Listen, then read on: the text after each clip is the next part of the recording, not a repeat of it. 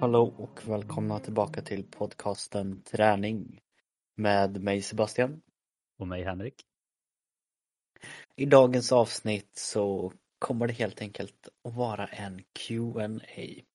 Vi ställde ut och frågade er på våran Instagram om att ställa er ah, de svåraste frågorna tänker jag säga, men frågor som ni vill ha lite svar på så ni kanske känner att det vi inte pratar till mycket om eller så är ni bara lite extra nyfikna kring dessa frågor.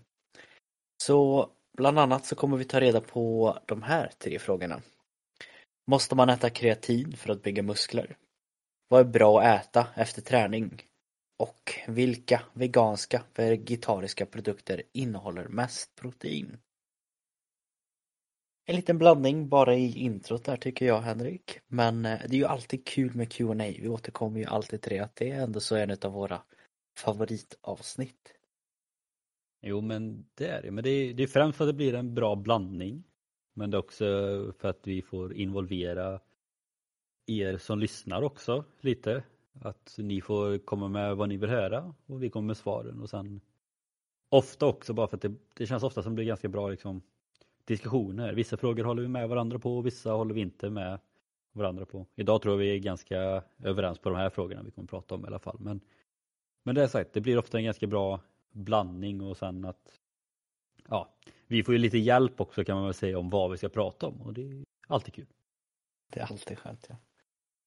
Eh, men eh, vi har ju även lagt ut en liten eh, grej på Instagram med en form av träningsbingo där vi har lovat ut någon form av pris. Så är det så att du är en av de som kommer att anta den här utmaningen som vill ut på Instagram så se till att stanna kvar till slutet av avsnittet idag så kommer vi avsluta vad reglerna är eller avslöja vad reglerna är vad du vinner eh, och hur du ska göra sen då för att kunna ta del av ditt pris helt enkelt. Och det här priset är fantastiskt. Oh ja, ni, ni kan inte ana vad värt mycket pengar egentligen faktiskt. ja, ja, ja, och tid. Tid kan man ju aldrig ja. få tillbaka. Sant. Ja, men det är det, tid och pengar. Ja. För er som inte har sett det här också då, så in på Instagram, Traning Podcast, så får ni se vad Sebastian har lirkat ihop där. Jajamän. Men jag tänker att vi, vi hoppar rätt in på det då och börjar med första frågan som är ja, men den som vi nämnde i introt. Måste man äta kreatin för att bygga muskler? Och här är hur man väljer att se frågan, lite som du har diskuterat när vi pratar kring den att behöver man verkligen få i sig kreatin för att bygga muskler? Eh, eller behöver man tillsätta extra mycket kreatin? Om det var det som var frågan, det, det vet vi inte riktigt eh, vad den som ställde den tänkte. Men eh, vad säger vi Henrik, behöver man äta kreatin för att bygga muskler? Man måste äta kreatin för att bygga muskler. Men som jag antar att den här personen är så är det väl kreatintillskott eh, som den menar. Om jag får, får gissa, eh, läsa mellan raderna och så. Och sen, som sagt, Ska man se det i det stora hela så alltså kreatin är någonting kroppen behöver. Dels för energins skull, framförallt liksom snabb energi. Men vi får ju ge oss kreatin när vi äter mat. Eller vi skapar kreatin via maten och liknande. Så att tar man frågan ordagrant måste man äta kreatin för att bygga muskler så jag är inte jätteinsatt så jag, skulle, jag vet inte riktigt hur kroppen skulle agera om vi inte hade någon kreatin. Men eftersom vi får kreatin när vi äter så blir det indirekt att vi måste äta. Vi måste äta för att bygga muskler och därmed så måste man äta kreatin för att bygga muskler. Men eh, tillskott behövs inte för att bygga muskler. Om man nu inte behöver det. Sen är det ju också så att som vi har pratat om i tidigare avsnitt. Jag tror det var ett av de första avsnitt två tror jag redan vi var inne på det här liksom med, med tillskott och myter och allt sånt där. Liksom att vad forskningen ändå kan utvisa så är det väl ändå att kreatin och koffein är väl kanske främst de två tillskotten som ändå kan ge lite förbättringar i sin träning liksom. Om man vill ta någon form av tillskott som inte man får i sig via maten då.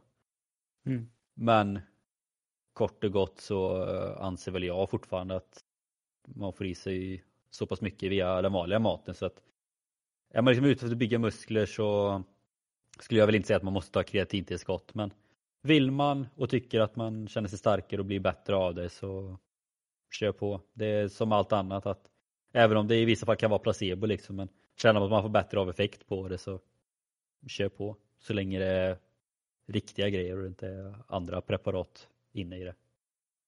Ja men faktiskt. Och i och med att som sagt det är en av de få grejer som faktiskt, i alla fall när vi pratade om det sist, finns stöttning bakom rent forskningsmässigt att det, det kommer att hjälpa. Eh, sen är det bara frågan om hur mycket det kommer hjälpa dig som individ. Det, det går ju aldrig att veta. Men är det så att du tar kanske styrketräningen på så stort allvar att du känner att varje liten procent som det ökar att du kan lägga på dig är viktig, då skulle jag säga att då tar man kreatin, tänker jag. Eh, då slipper man lämna något åt slumpen, det låter konstigt men man vet att det är bra, samma med koffein. Eh, sen kommer du antagligen kunna få bra effekt annars också, som sagt. Ja, men det är ju som sagt det är helt på vilken nivå man ligger. Är man en sån som tränar en gång i veckan, men då, då kanske det bara är onödiga pengar att lägga ut liksom. Ja, lite så. Bra, men det är väl ändå ett ganska bra svar på den frågan skulle jag vilja säga. Så att eh, Nästa fråga, så vi hinner med allihopa här. Eh, och det är då bästa sättet att träna för att gå ner i vikt. Och det är väl också någonting som vi varit inne på lite då och då. Vi kanske inte varit inne jättedjupt på det. Men eh, ja, vad är dina bästa tips eller bästa träningssätt för att gå ner i vikt Sebastian? Mina bästa sätt eh, för att gå ner i vikt skulle jag ändå säga är på ett sätt lite mer riktat emot de högintensiva passen. Och jag ska förklara varför jag tar dem. För att jag tror att mer folk är motiverade att träna kanske någonstans mellan 30 till 45 minuter istället för två timmar till tre timmar. Um, så på det sättet så tror jag att det, när du ändå så tränar kan du göra det så pass effektivt som det bara går och faktiskt känna att eh, kroppen behöver mycket energi, den kommer komma igång och den kommer kräva liksom energi. Eh, kanske framförallt då efter passet att den ligger och fortsätter förbränna fett. Men sen är det ju som sagt i, i slutändan så är det den totala, vad ska man säga, totala längden eller volymen som man får ut liksom som eh, kommer att spela roll i någon form av viktnedgång liksom. Eh, så där är det mer också, ett tråkigt svar kan man också ge men som kanske är lite mer sant att all träning som blir gjord är bra träning för dig som vill gå ner i vikt. Eh, vilket betyder att eh, klarar du av att träna mer volym genom att gå de här långa promenaderna, då är det det du ska göra. Klarar du av att spela paddel fem gånger i veckan men inte gå till gymmet tre gånger, ja men då är det ju paddel i så fall som kommer att vara bäst för dig. Är det att gå ut och hålla på och arbeta tungt i trädgården eller något liknande, ja, men gör det. Eh, det du gör, det är det som kommer att göra att du tar energi från kroppen vilket i slutändan kommer leda till en viktnedgång. Mm. Mm. Bra utvecklat svar och jag håller väl med och tar väl egentligen vid det du sa till en början där med att jag tror de flesta motiverade kanske vid lite kortare träningspass eh, och sen också det all träning är bra träning eller om man säger liksom allt som blir gjort. Så jag skulle liksom säga att bästa sättet att träna för att gå ner i vikt är snarare den träning man tycker är kul. Mm. För det är verkligen att Alltså, skulle, om, även om bästa, om det finns ett optimalt träningsprogram eller så för att gå ner i vikt liksom, men tycker man inte att det är kul, då kommer man troligtvis inte fullfölja det eller slutföra det eller följa det så slaviskt som man behöver för att kanske gå ner i vikt. Medan man hittar ett jättekul träningssätt som, eh, som du sa, man kanske tycker paddel är skitkul eller man kanske tycker längdskidor är skitkul eller bara gå ut och gå med hunden är det bästa som finns, liksom långpromenader. Så man vill göra det varannan dag kanske, men då är det det som är bäst för att så länge man har motivation och vilja att göra det så är risken, eller risken, men så är chansen större att man gör det ofta och framförallt att man bibehåller det.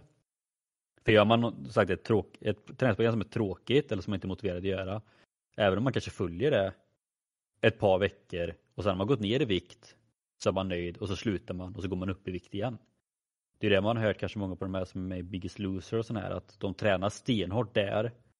Men sen åker de ut och sen kommer de hem och så kommer de tillbaka till gamla vanor. För det är inte så kul träningssätt men det är effektivt. Så det är också det man vill få till. Man vill få till ett träningssätt som också man kan hålla i längden och bibehålla även om man har gått ner i vikt för att lyckas bibehålla den hälsostatusen man har då. Mm. Jag, jag ska ändra mitt svar. Oj. Under tiden så här, men det, det hör ju fortfarande ihop med det här att den fysiska träningen, den är som sagt vad som är kul, det är vi nog överens om. Vad jag ska ändå så faktiskt säga att den bästa träningen du kan göra för att gå ner i vikt och stanna kvar i den vikten som du har som mål, alltså inte bara gå ner och sen gå upp igen. Då måste du börja träna på den mentala träningen. Och där är det helt enkelt Oftast har man ju hamnat i ett läge som har gjort att man har gått upp i vikt. Som Henke pratade om, vanor, vilket betyder att på något sätt måste du träna med det mentala för att lägga om dessa vanor. Och det är egentligen först då som du kan stanna i en vikt som du känner dig bekväm med. Är det så att det mentala inte kommer med och du ändå så genomför de här, vad heter de, 74 hard shells, jag har ingen aning om vad allt heter som inte förstör folk men liksom pressa dem till maximala. Ja, det kommer tal krascha ner i vikt. Men antagligen kommer du gå upp lika mycket om du inte har satt den mentala träningen också. Så den skulle jag säga är det viktigaste, den mentala träningen. Det låter ändå klokord, för lite så är det väl liksom att det svåra på ett sätt för många är ju egentligen inte att gå ner i vikt utan för många är det att bibehålla det. Mm. Efteråt sen. Ja, alla kan gå ner i vikt, man fattar det själv. Äter jag mindre än vad, än vad jag egentligen vill göra då kommer jag gå ner i vikt. Men det är ju också roligt än vad jag vill själv göra liksom. Hur kan du fortsätta äta lika mycket för att vara nöjd liksom och ändå gå ner i vikt? Det kan vi också tillägga liksom att mycket med att gå ner i vikt, alltså träningen är en viktig bit men kosten är kanske ännu viktigare där. Ja, egentligen. Mm. Next one. När du nu kanske har eh, börjat gå ner i vikt eller vad som helst igång med träningen under nytt år, då kan jag tänka mig att den här frågan kan eh, vara något som du undrar rätt så mycket kring och det är vad är bra att äta efter träningen, Henrik? Och det är även här då liksom hur man väljer med och tolkar med efter träningen. Men jag tänker så här, direkt efter träningen så vill man gärna få i sig delvis protein för att direkt börja bygga upp musklerna som man har slitit ut.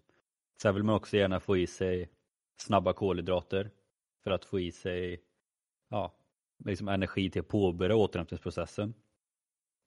Så jag brukar kort och gott säga liksom, när folk frågar mig eller så här, men vad är bra att äta efter träning? Jag brukar säga att banan är jättebra. Jag tycker det är lätt att få i sig. Jag personligen tycker att det är väldigt alltså, dels gott att äta en banan men jag tycker också att det är, så här, det är en bra konsistens eller så här, efter träningen för att det, det är så här, typ mjukt fast ändå inte för mjukt och det är liksom det mättar fast även om man är så kanske helt slut efter träningspass och lite smått illamående så går det ändå att få i sig liksom. Och eftersom det är frukt så innehåller det också snabba kolhydrater och påbörjar återhämtningsprocessen. Så att personligen tycker jag att banan är jäkligt bra. Annars så finns det alltid möjlighet till att ha med sig någon form av proteinbar som innehåller protein och kanske också lite socker med snabba eh, kolhydrater. Alternativt en lätt smoothie. Men det är ändå bra att ha med sig någonting som är lätt att ha med sig i väskan som man kan få i sig så snabbt som möjligt efter träningen. För att sen då kanske äta ett större, ja, en rejäl middag eller vad man säger då, när man väl kommer hem sen efter man har duschat och liknande. Men det är ändå bra att ha med sig något lätt som man kan få i sig så snabbt som möjligt efter träningen Eh, till skillnad mot vissa som kanske ska duscha, åker hem så har det gått en timme efter träningen. Liksom. Då, då är det det snabba målet och ger inte det samma effekt. Så att, så sagt, eh, lite protein, snabba kolhydrater men framförallt något som är lätt att bara få i sig så snabbt som möjligt efter träningspasset. Ja, jag, jag håller med. Eh, det är väl något sånt också, form av keso, andra former av yoghurtgrejer. Något som jag har börjat att tänka lite mer på det och få i mig någon form av liten snacks kallar jag det men det är ju egentligen rätt så bra grejer i det form av det som drar upp det lite kanske är russerna men det är ju lite som att socker som Henke pratade om där och man blandar liksom lite, eh, vad ska man säga, nötter, typ som jordnötter, eh, kanske lite frön, eh, solrosfrön kanske, puppafrön. Eh, och sen så plötsligt har du ändå så fått i dig rätt så bra både med protein och kolhydrater. Men det är många som har med sig till exempel en nötpåse eller som du sa russin eller dadlar. Det är många som har med sig liksom bara för att det är bara lätt att ha en liten burk eller en påse liksom. Och så bara, när man går från gymmet till bilen till exempel eller till bussen så småäter man lite bara. Liksom. Mm. Så främst är det väl bara något lättillgängligt. Bra. Men eh, vi fortsätter lite på matspåret. Det känns som det är många som vill veta hur man ska äta. Eh, men nästa fråga är inte ditt vad man ska äta utan snarare varför man ska äta. Så frågan är varför måste man äta så ofta Sebastian? Ja, den här frågan har väl mer kommit upp eh, med folk runt omkring mig som liksom aktivt får hjälp just med det här med en eh, viktnedgång. Och då brukar alltid frågan komma efter en stund att oj, det känns som jag ska äta så mycket nu när jag ska gå ner i vikt eller bli hälsosam och så skrattar de lite. Och då brukar jag säga att ja, men det har någonting med någonting som heter insulinnivån att göra i kroppen. Och den, så fort jag brukar nämna det ordet brukar folk liksom zona ut och inte riktigt hänga med. Så jag har lärt mig att inte säga det ordet kanske allt för mycket utan mer prata om blodsockernivå Eh, eller blodsocker och då brukar folk veta, aha, det här som gör att man blir lite trött när man inte ätit. Och då brukar jag säga exakt så. Eh, och det är ju för att när man inte äter så ofta då blir det de här lilla dipparna i energin kan man väl säga. Vilket gör att man blir lite segare, kroppen hänger inte med riktigt på samma sätt. Låter man det här gå lite för länge då kommer kroppen till slut att hamna i ett sånt här läge att den känner jag behöver energi nu, snabb energi nu. Det gör att den gör dig lite extra sugen på de snabba grejerna. Eh, ett exempel på det vad som kan finnas runt omkring när man typ arbetar eller pluggar eller så, det är kanske de här eh, snabba chokladbarsen eller bullen som ligger kvar från fikat. Det Kan vara den här godispåsen som du köpte och ligger i byrålådan eller i ryggsäcken. Det som du vet kommer ge dig en snabb kick med en gång och orka träna. Och sen tar du det och då får du en energipik ganska så snabbt upp med en gång. Och sen efter en liten stund så kraschar du ner igen. Men då har du mer godis. Och då blir det här upp och ner det jobbiga. Anledningen till då att man kanske äter så ofta är ju mer för att när du väl äter så är det bra grejer som är väldigt fiberrika eh, och proteindricka är väl bra för att hålla sig mätt. Men då håller du den här energinivån på en jämn balans under hela dagen.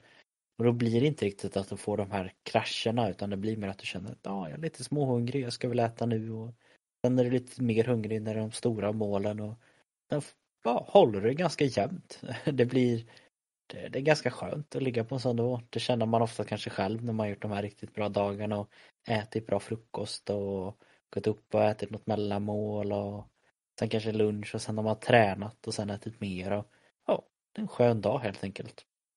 Och det är väl därför som det är bra att äta rätt så ofta då, eh, för att hålla energinivån på en bra balans under hela dagen. Ja, för det är också ofta när man pratar om mat så brukar man prata om kalorier liksom och du kan äta sju eh, måltider på en dag och du kan käka två måltider på en dag och fortfarande få i dig samma mängd kalorier. Men som Sebastian säger så blir det ju skillnad. Det blir ju stora berg om du käkar två gånger om dagen och så blir det mer jämn nivå om du käkar sju gånger om dagen. Och dels är det ju som alltså bra för energinivån, liksom blodsockernivån, man håller en jämn nivå. Men sen skulle jag väl också bara tillägga att om man käkar mindre måltider och ofta så blir det också att kroppen hela tiden håller igång med matsmältningen och alltså hela systemet i kroppen hinner ju arbeta med det som kommer hela tiden om man säger kontra om man käkar en jäkligt stor måltid. Jag är en sån som brukar käka väldigt stora luncher till exempel. Kanske inte käka frukost och skippa mellanmaten. Det blir en väldigt stor lunch. Och ofta har det funkat för mig. Men man märker också ganska många dagar liksom att det blir snarare som att ja, man knockar ju sig själv lite. Att man käkar och sen så blir det den här matkoma som man brukar prata om. Liksom. Då blir det för att det blir en liten chock för kroppen också. Liksom, kanske inte hinner bryta ner allting på en och samma gång. Medan om man käkar mindre måltider och ofta under hela dagen eller dygnet så kommer kroppen hela tiden ta lite mat, göra om till energi. Sen tar man lite mer och gör om till energi och sen när det börjar ta slut, då tar man nästa mellanmål. Och sen när det börjar ta slut, då kommer lunchen där liksom. Så att det blir mer att det rullar på ett band och så bara flyter det på på ett helt annat sätt. Så att för vissa funkar det att äta mindre måltider medan vissa måste äta många måltider. Och sagt, det, är, det är upp till var och en liksom och hur man är som person vad som funkar bäst. Men ser man liksom som sagt till blodsockernivån och så, så för de flesta så är det väl ofta bättre att ja, få i sig kanske tre stora måltider och sen lite mellanmål däremellan för att hålla den här nivån på ja, en jämn nivå. Om vi rör oss vidare till nästa punkt som kommer handla lite mer om om oss men kanske förhoppningsvis kunna hjälpa och inspirera eh, någon som sitter där ute och lyssnar nu som känner att den har kanske satt ett nytt mål här nu för nyåret. Och frågan lyder så här, vad, vad gjorde ni eller vad gör ni för att nå era mål? Ja, nu är det så här, vi når inte alltid våra mål. Det kan man säga först och främst. Men det är ju för att vi, som vi har pratat om i många avsnitt, framförallt i det senaste nyårsavsnittet, att vi sätter ofta ganska höga mål. Men det vi pratar om väldigt mycket när vi pratar om mål och motivation är ju dels att sätta ett ganska stort mål eh, som ändå något att sträva efter fast ändå inte är helt orimligt men ändå någonting man kan sikta mot så länge man vet om också att ja, men jag kanske inte klarar det, men det är kul att sträva mot det. Och sen ha lite delmål längs med vägen som man ändå känner att man gör progression mot det. Sen skulle jag väl också säga att när det kommer till att sätta upp mål, alltså framförallt träningsmål, eller egentligen mål överlag med vad man än gör, är att sätta upp, alltså istället för att sätta upp ett stort mål och sen massa delmål, så sätta upp flera, flera olika mål, alltså som inte har någonting med varandra att göra. Bara för att säga att du sätter upp tio mål och säg att du klarar sex av dem. Och då har du åtminstone klarat hälften av målen du satte upp och det är ändå rätt kul att se. Om man klarat hälften av målen man satt upp, liksom, det blir ändå något positivt. Kontra om man sätter upp ett väldigt stort mål och så klarar man inte det. Och då kanske det känns rätt segt, liksom, fan jag, jag klarar inte målet. Men så här, klarar du sex av fyra, och då är det inte så här, shit jag klarar ändå sex stycken och så kanske man kommer på en ganska bra väg mot att fyra sedan. Då kan man ju liksom fortsätta med dem inför nästa år eller nästa period, vad man nu siktar på. Sen när det kommer till att sätta mål brukar man ofta liksom säga att det ska vara specifikt, det ska vara mätbart eh, och det ska vara realistiskt. Liksom. Det är väl främst de tre stora. Men sen liksom, ni som lyssnar på den här podden sen vi startade här nu när vi har pratat om våra mål både under nyår och lite mitt på så att det är inte alltid mätbart. Som Sebastian hade inför förra året till exempel att han ville vara kanske ungefär i sitt livs bästa form. Liksom. Det kanske är lite svårt att, att mäta. Liksom. Och som mitt i år, liksom, att jag vill känna att jag har gjort ett, haft ett bra träningsår. Det går att mäta om man gör någon skala eller någonting, men det är inte jättelätt att mäta. Det är skillnad om man säger ja, jag ska lyfta 100 kilo. Det är väldigt mätbart. Så försök hitta något som är mätbart för man ser om man gör progression. Men annars som sagt, ha några som är mätbara, några som kanske är lite mer på känsla. Men jag skulle fortfarande säga att även om vissa kanske tycker att det inte är jättebra att ha mål som är väldigt svåra så ha åtminstone ett mål som är ganska stort att ha något att sikta mot för det, det är sjukt kul att ha ett mål som är svårt fast man klarar av det. Eller att man är så väldigt nära att klara av det. det. Det skulle jag nästan säga är ett skönare att vara nära på att klara av ett stort mål än att klara av massa små mål. Det är i alla fall hur jag ser på det. Men jag, jag ser väldigt eh, likt liksom. Mm, jag tror, är det du som också tagit upp det? Jag vet att jag jobbar ju rätt mycket med att sätta upp mål just nu, eh, jobbet jag har. Och då utgår vi från något som heter smarta mål. Exakt. Det har du också pratat om va? Ja, jag tror vi tar upp ah. den i något, jag tror det är typ för, det, någon gång när du pratade om Vasaloppet tror jag vi testade den. Ja. Ah. Men för att vara kanske kort om du har missat den så är det Eh, man stavar ut smart. Det börjar med S. Eh, specifikt kan man ta där. M kommer sen. Då är det det jag prata om. Mätbart. Sen kommer A. Eh, där så kan man väl mer lite olika vad man tar men jag brukar tänka mer kring utav ansvar. Vem är det som bär ansvaret för att du ska ta dig dit? Att man får mer känna att det faktiskt i slutändan hänger på mig eh, att ta sig dit. Man kan inte alltid lägga på någon annan. Man kanske kan ha hjälp av någon kompis som drar med en på träningen. Man kan ha hjälp av en personlig tränare, coach som hjälper en. Men i slutändan så hänger det ändå så på dig. Eh, om du vill och är villig att ta emot allting. Eh, är eh, realistiskt. Eh, ja. Är det realistiskt att jag kan klara det här målet? Eh, anledningen till att man lägger upp det är oftast för att är det för orealistiskt så tappar man oftast motivationen efter ett tag. Men realistiskt kan ju liksom vara olika för alla. Eh, för vissa kan det vara så här att ja, det är realistiskt att klara det här eller vissa kan det vara realistiskt att klara det omöjliga.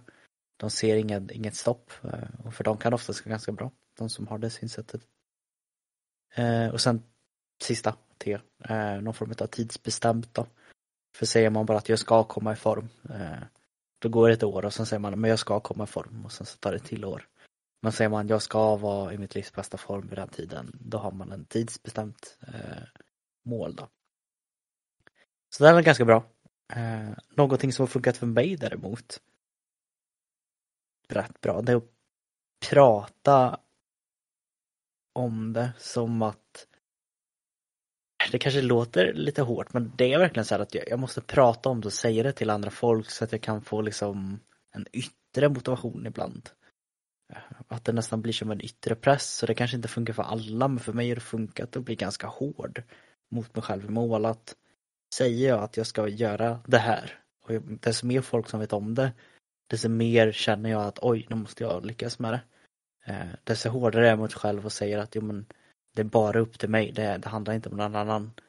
Till slut så måste jag verkligen ta tag i mig själv. Eh, nackdelen med den är att det kan upplevas som väldigt mycket press vet jag om man kollar på forskning och sånt och det kan bli att det blir för mycket för en eh, och att man på det sättet då slutar med målet.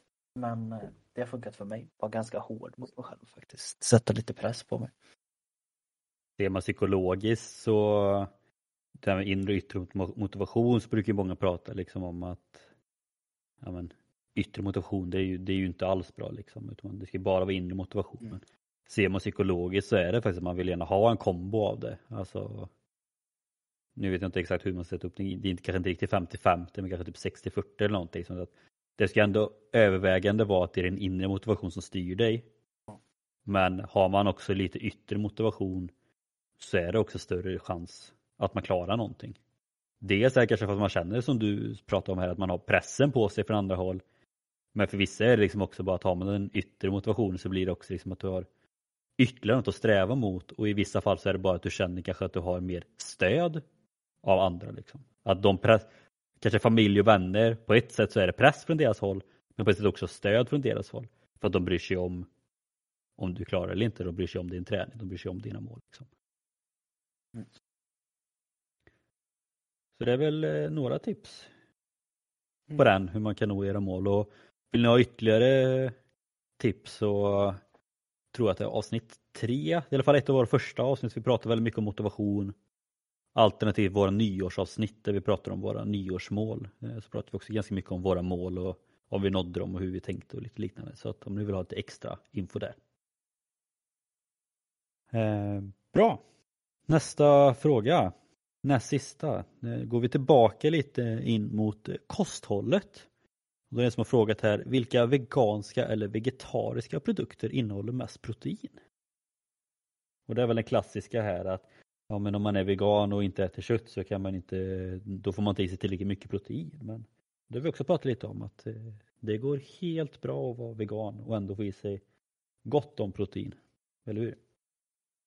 Det är till och med så att vissa grejer inom det eh, vegetariska veganska köket eller vad man ska säga innehåller mer gram protein per 100 gram än vad man kan få via animaliska produkter till exempel. Då. Men jag tänker att jag slänger ut lite topp, vad ska vi ta? Vi kan ta topp fem kanske räcker för er. Topp fem grejer plus lite honorable mention som man kanske inte vet. Eh, de här livsmedlen innehåller mycket protein och tycker jag ska vara någonting som man behöver få i sig om man håller på med vegetarisk eller vegansk kost.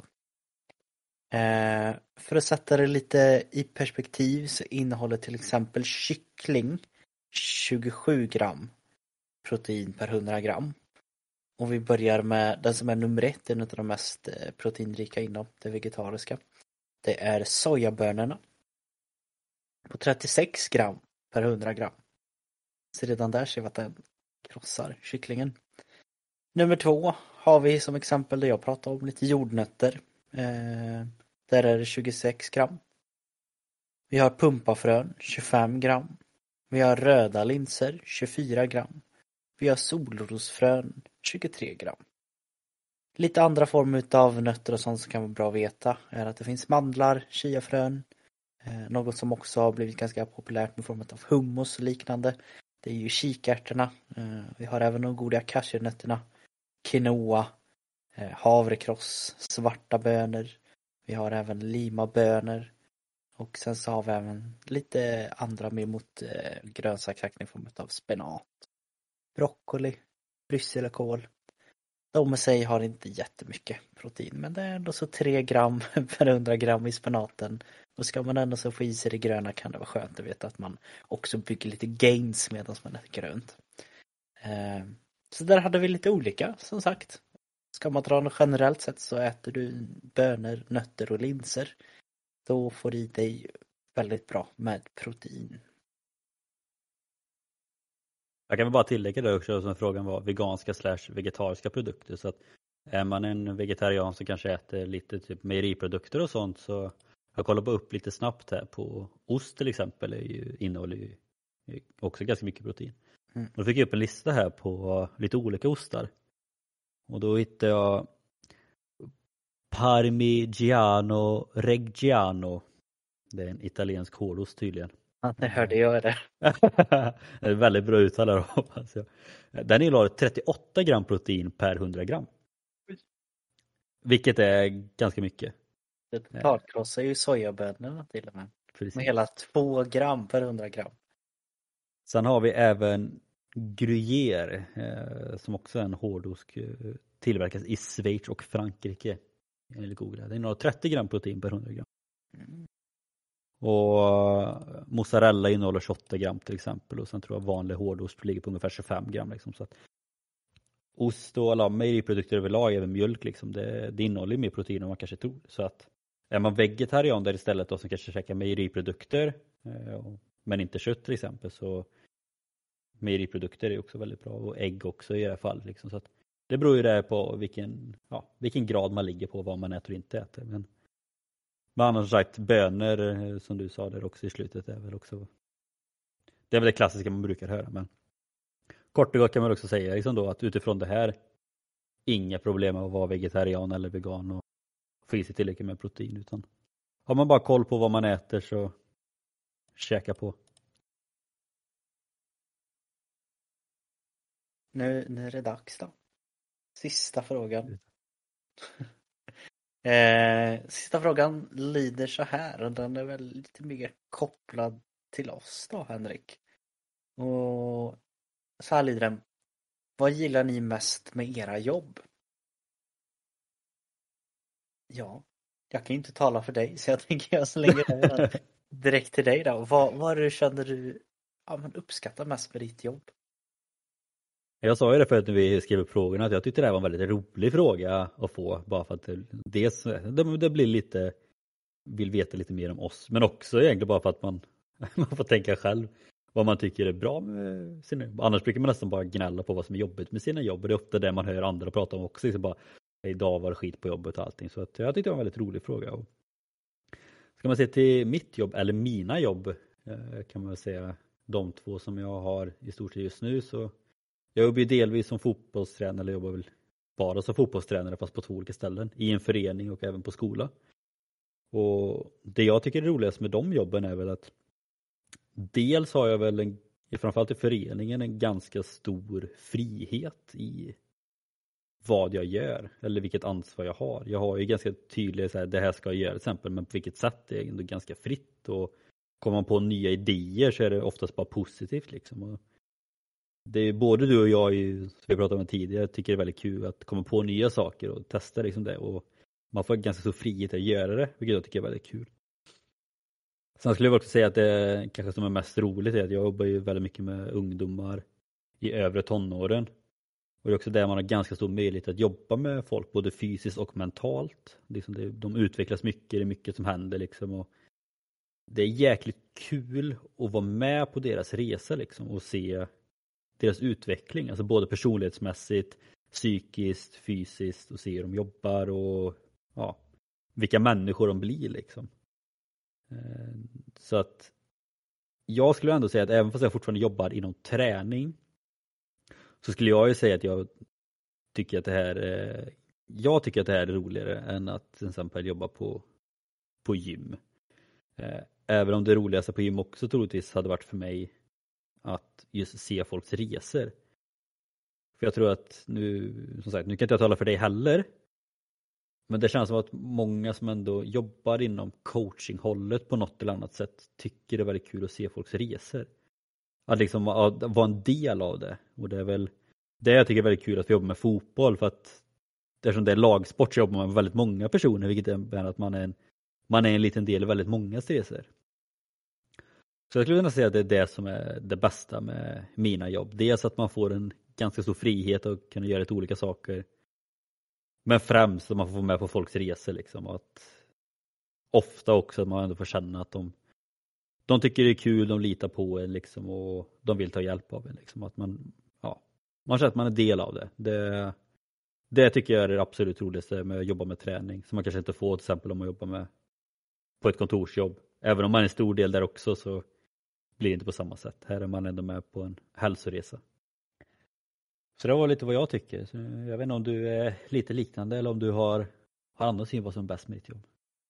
Ja, eh, jag jobbar ju som ni kanske har förstått som personlig tränare. Det jag gör mest nu på dagarna, ja, eller jag, jag har fått ett form av PT-ansvar kan man väl säga. Så jag, jag sitter och liksom försöker strukturera upp någonting hur det här företaget kan utvecklas och eh, hur vi kan hjälpa mer folk. Eh, och det är väl exakt det som Henrik säger som gör att jag känner mig så lycklig just nu att jag får liksom jobba med det som jag kanske brinner mest för just nu och få slå ihop, komma på idéer och koncept med att genomföra idéer och koncept. Plus att jag får den friheten att faktiskt göra dem. Jag kan ha en bild av att vi ska ha fokus på styrkelyft. Eh, vem ska vi använda då? Jo, men vi använder det här som vi kan ta del av den PTn eller det konceptet. Eh, och sen sätter vi ihop det eh, och sen startar vi upp det och sen genomför det och sen så utvärderar man det. Så det, det gillar väl jag, men i slutändan så hör det ju ihop med det Henrik sa att man kan få följa med på resor på en så otrolig personlig nivå när man jobbar som personlig tränare och det kanske inte riktigt folk förstår. Och det är väl också därför som jag tror att vissa ibland kanske tyvärr inte riktigt ser värdet i att ha en duktig personlig tränare. Och vad som skiljer en PT mot en verkligen personlig tränare.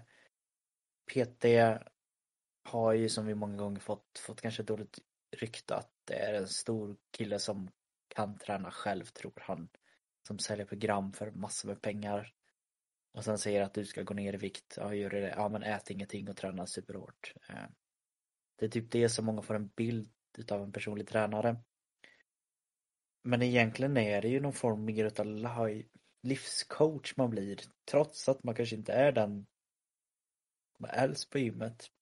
Att jag som en så snart 25-åring eh, sitter och stöttar någon som är 60 år i hur den ska tänka om kring sin hälsa på grund av att den har fått diabetes, på grund av att den har hjärt och kärlsjukdomar i sin familj, på grund av att den inte kan gå och inte kan leka med sina barnbarn, på grund av att den är sönderstressad.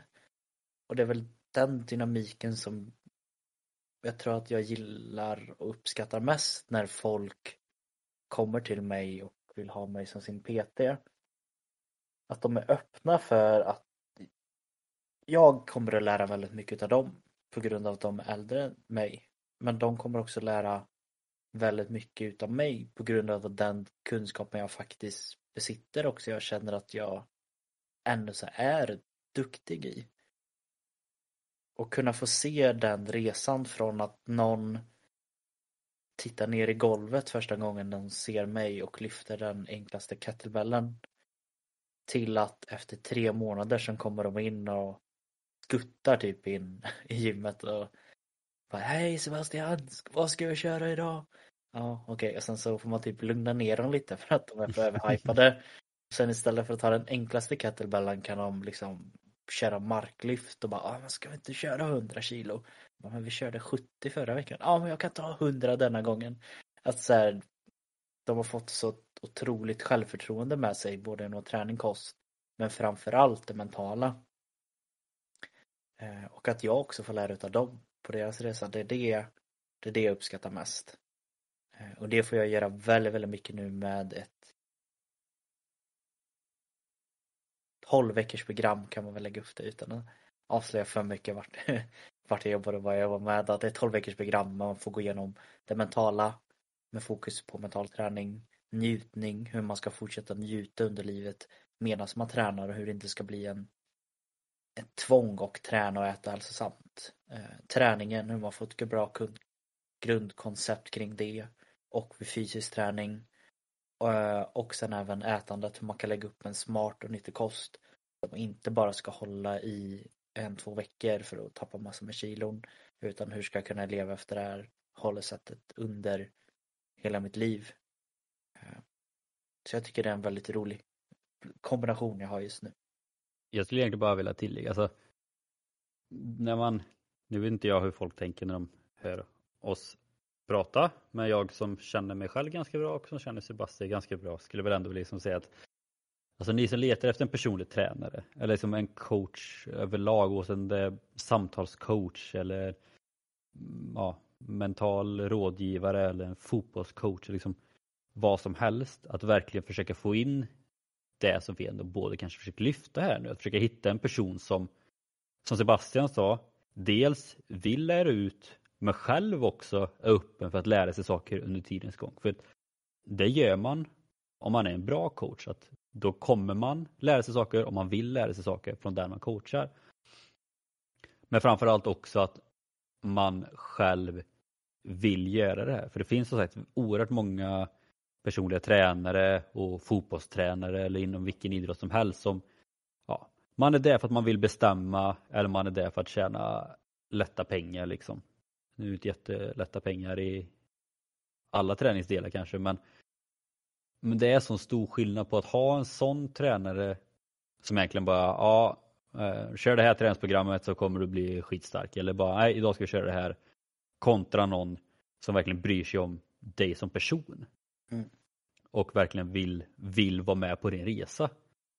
För att i slutändan kanske man kan få ungefär hyfsat samma träningsresultat. Men det kommer inte vara lika kul. Det kommer vara tufft och framförallt att om man säger att du köper ett 12 veckors program som Sebastian pratade om, eller 16 veckors program. Och så ska du vara med en person som ja, egentligen inte bryr sig om dig som person så kommer det vara rätt sega veckor ändå. För det är ju någonting som jag har lärt mig mycket på universitetet och det kanske är min största punkt när jag ska beskriva mig som coach.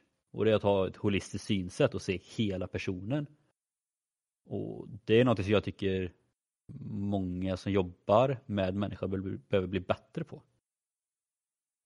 Så det skulle vilja jag liksom ändå rekommendera till er nu som sitter här och vill ha en personlig tränare eller letar efter en tränare till er sons eller dotters eh, handbollslag eller innebandyförening liksom eller vem som helst liksom att försök inte bara hitta någon som är bra på det fysiska liksom utan försök hitta någon som har ändå en hyfsad helhet även om man inte kan vara bra på allting så gäller det, det som gäller egentligen bara att man har en förståelse för det och en vilja att vilja lära sig och vilja vara med på ens resa. Ja. Och Det kanske är lättare sagt än gjort också att hitta en sån person men det är ju det som är så bra i det här fallet att hittar man en sån person liksom så att släng ut, om du har haft en sån person, prata med din nära och kära. Han eller hon var jättebra och samma sak, vill du hitta någon, men hör med nära och kära eller bara, men vad tycker ni om den här? Verkligen. Och det känns ju som att träningen överlag är på väg åt det hållet man förstår att det som har varit förr och varit standard väldigt länge att det är någon som har sagt så här är det och alla har bara blint följt efter och sagt ja, det är så här det är. Det här är för alla. Det ger inte det bästa sättet. Det är inte ens ett, ett bra sätt och det är väl det jag är kanske mycket allergisk mot i det yrket när man för in mot det hållet. Självklart så kan man ha ett koncept som man följer och det kan vara jättebra för att få igång mycket folk men man behöver också ha en coach som förstår att det här är inte 100% rätt för alla. Och sen så blir det att någon annan gör fel, att coachen nästan blir irriterad för att den inte följer det konceptet som jag tror på som coach utan varför gör du så för? Eh, så lär inte jag ut. Man måste vara så pass öppen och se att alla är olika liksom. Och speciellt det som både jag och Henrik tror jag har tagit upp väldigt mycket kring det mentala är vill man ha, kanske framförallt mot ungdomar tänker jag nu, men vill man ha en tränare, coach som har det synsättet att jag ska nu pressa de här barnen och ungdomarna så pass mycket eh, på mitt sätt. När de inte lyckas sen så kommer de vara helt mentalt nedbrytna, kanske inte hitta tillbaka till det de var förut. Och det är lite det synsättet tyvärr som många har idag, framförallt om man går upp kring elit och tänker eh, Eh, nästa steg som många av barn och unga vill röra sig mot idag. För det är ju jättekul om man spelar handboll eller rider eller spelar golf att jag vill bli bäst. Det är oftast det många barn tänker, för det är kul att vara duktig på någonting. Men är det så att man bara sen blir lämnad efteråt, då blir det väldigt tungt. Jag, jag tror ju det är många som börjar prata mer om det. Ehm, och jag hoppas att det blir mer folk som kommer prata om det. Men det är så sjukt sätt att se att vi har 40 ungdomar här. En av er kommer lyckas, resten av er bryr jag mig absolut inte om hur ni kommer må om tio år.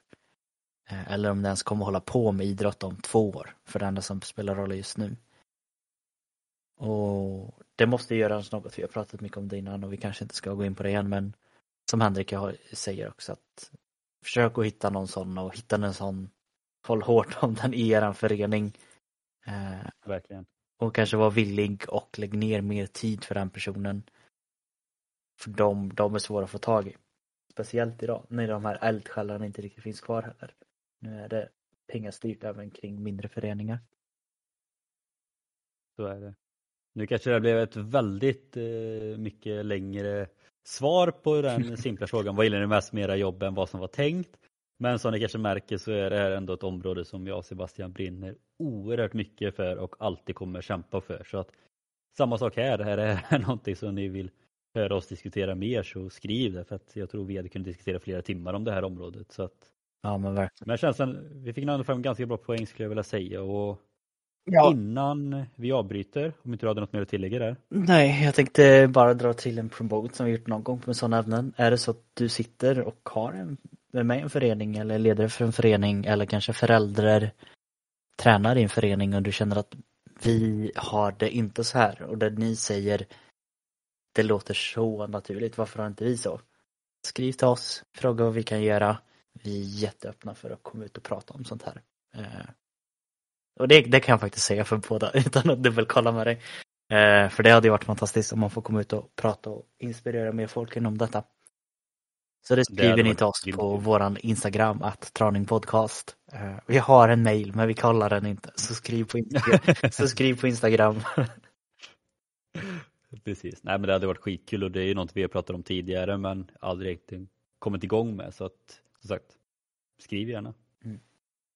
Men som sagt innan vi avslutar här och säger tack för oss så har vi ju den där lilla cliffhanger som du drog där i början Sebastian med vår lilla Instagram eh, bingobricka. Så jag tänker väl att innan vi säger tack och hej för idag.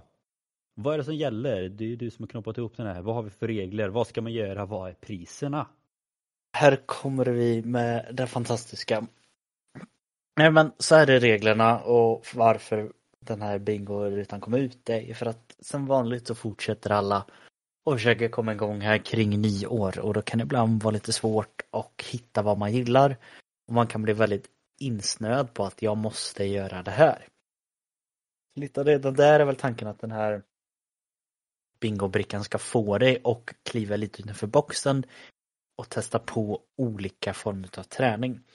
Eh, det här kan ju vara helt olika, typ som skillnaden mellan styrketräning och kondition. Det kan vara lite mindre hopp som skillnaden mellan att köra en bendag eller armdag. Köra plankan, situps, yoga, pilates. Du har väldigt mycket att välja mellan och jag hoppas att du lagt upp den så pass bra att du ska inte kunna få en rad utan att testa på något form av lite olika former av koncept. Det tror jag att jag lyckas med. Och är det så nu då att du har valt att anta den här utmaningen då ska du ju självklart få en yttre motivation här utav oss och kunna få lite peace. Eh, målet är ju kanske att bli klar med hela rutan och det är väl där det verkliga priset ligger. Men är det så att du är en av de första som har på detta och blir klar med en rad, antingen våglätt rätt eller lodrätt tänker jag du får välja. Då kan du som sagt skriva in till oss och säger jag är nu klar eh, med de här du kommer dels att få ett grattis eh, utav oss självklart personligen att vi kommer att säga vad duktig du är, du är bättre än alla andra. Men sen så kommer vi dessutom också säga det här i podden att du är bättre och duktigare än alla andra. Eh, helt enkelt form av shoutout liknande men mer bara verkligen En hyllning. En hyllning, exakt ja.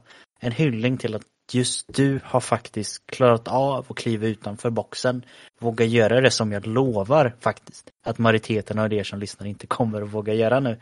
Men jag hoppas att många av er kommer att våga göra det. Eh, men du får en shoutout. Är det så att du fortsätter då och strävar efter något ännu mer, du kanske verkligen, ah, oh, jag vill ha något, något som jag kan ta på. Då kommer du få det för att du klarar hela eh, rutan helt enkelt. Är det så att du klarar hela rutan eh, skriver in det till oss, eh, säger som sagt jag är klar nu, jag har kämpat, jag har jobbat. Då kommer du att få eh, ett personligt träningsprogram utav mig och Henrik. Där vi slår ihop våra kloka hjärnor och eh, helt enkelt utformar ett program lite utefter vad du vill ha helt enkelt. Vi kommer att ta kontakt med dig på Instagram för det är där du kommer skriva till oss och säga att det här har jag klarat nu. Vi kommer ställa lite följdfrågor liksom. Vad är det, vad är det du har gjort? Vad är det du vill och vad är dina mål? Vad vill du att vi ska hjälpa dig med i det här träningsprogrammet? Och sen så gör vi ett träningsprogram till dig idag helt enkelt. Eh, sånt som vi egentligen jobbar med jobbmässigt men som du nu får eh, som ett tack för att du faktiskt har gjort denna utmaningen då. Och sen är det också fritt fram om ni gör någon av de här grejerna som står på bingobrickan att lägga upp det på Instagram antingen som en händelse eller inlägg och sen eh, tagga oss. Det var skitkul att se. Oavsett om ni strävar efter en rad eller hela brickan eller om ni bara kör lite strögrejer som står på brickan så jättekul om det är några som vill tagga oss och visa att ni, ni kör. Ja, det hade varit superkul. Men annars är det väl som vanligt då tänker jag. Eh, att vi tackar just er för att ni har valt att lyssna eh, ännu en gång. Och vi hörs nästa vecka helt enkelt. Det gör vi. Ha det gott.